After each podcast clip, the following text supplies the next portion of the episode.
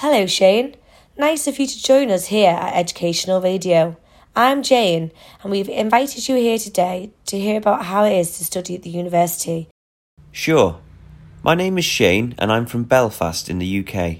I'm 21 years old and I'm a student here in Östersund in Sweden. I have been here six months, and so far I really like it. The nature here is beautiful.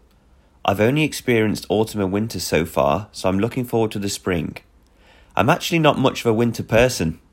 I'm not too fond of the cold, and I've been told the winter is long this far up north.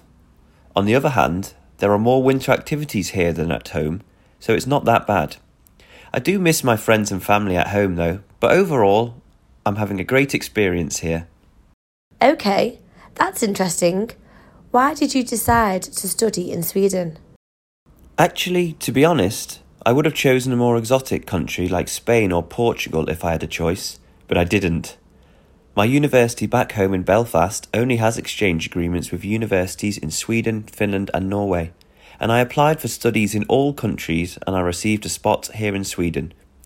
At first, I didn't know what to expect, but now I'm happy about it. It has been a pleasant surprise.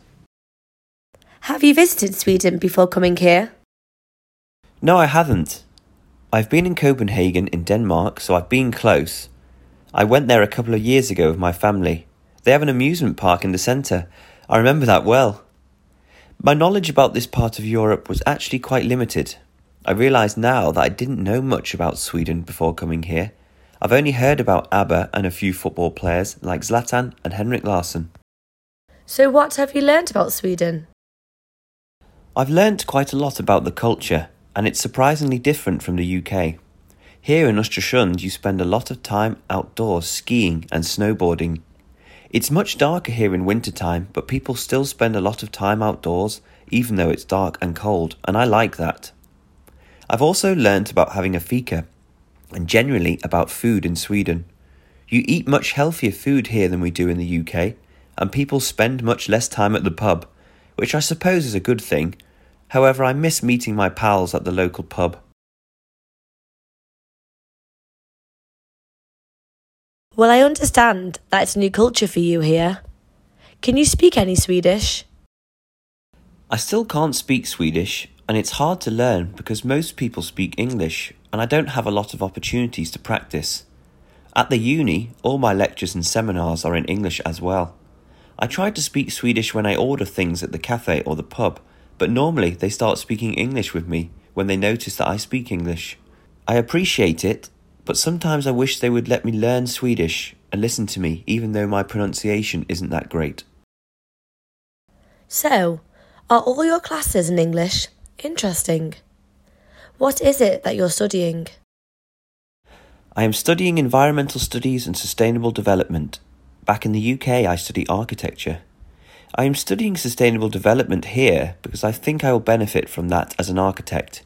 I will have to design houses and buildings that are adapted to the new hotter climate. We are basically studying how the climate is changing, why it's changing, and imagining future scenarios and how to survive and live a more sustainable life. It's extremely interesting and sometimes quite heavy.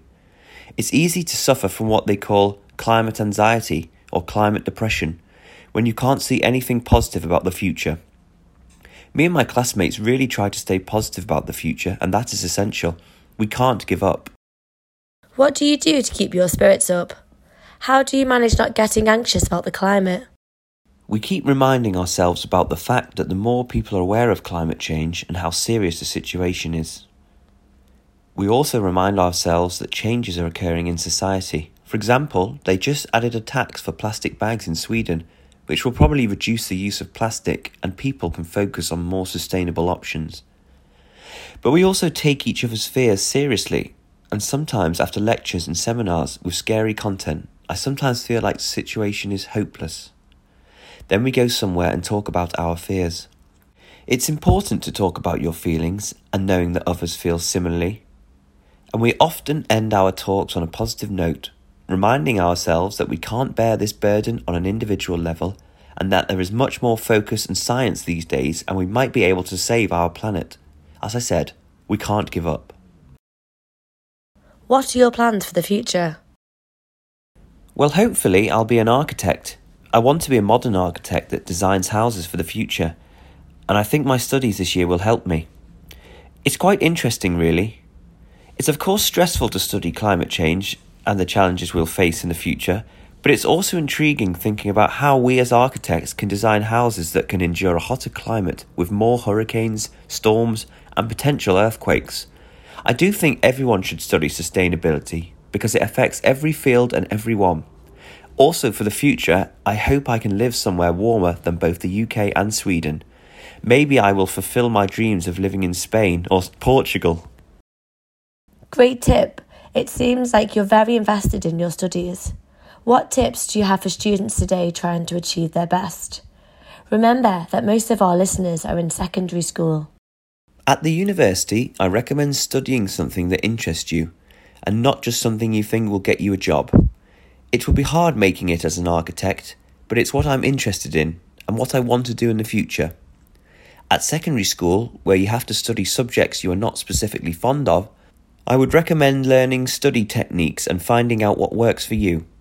When I was studying my A levels, we had a course in study techniques, how to take notes, for example.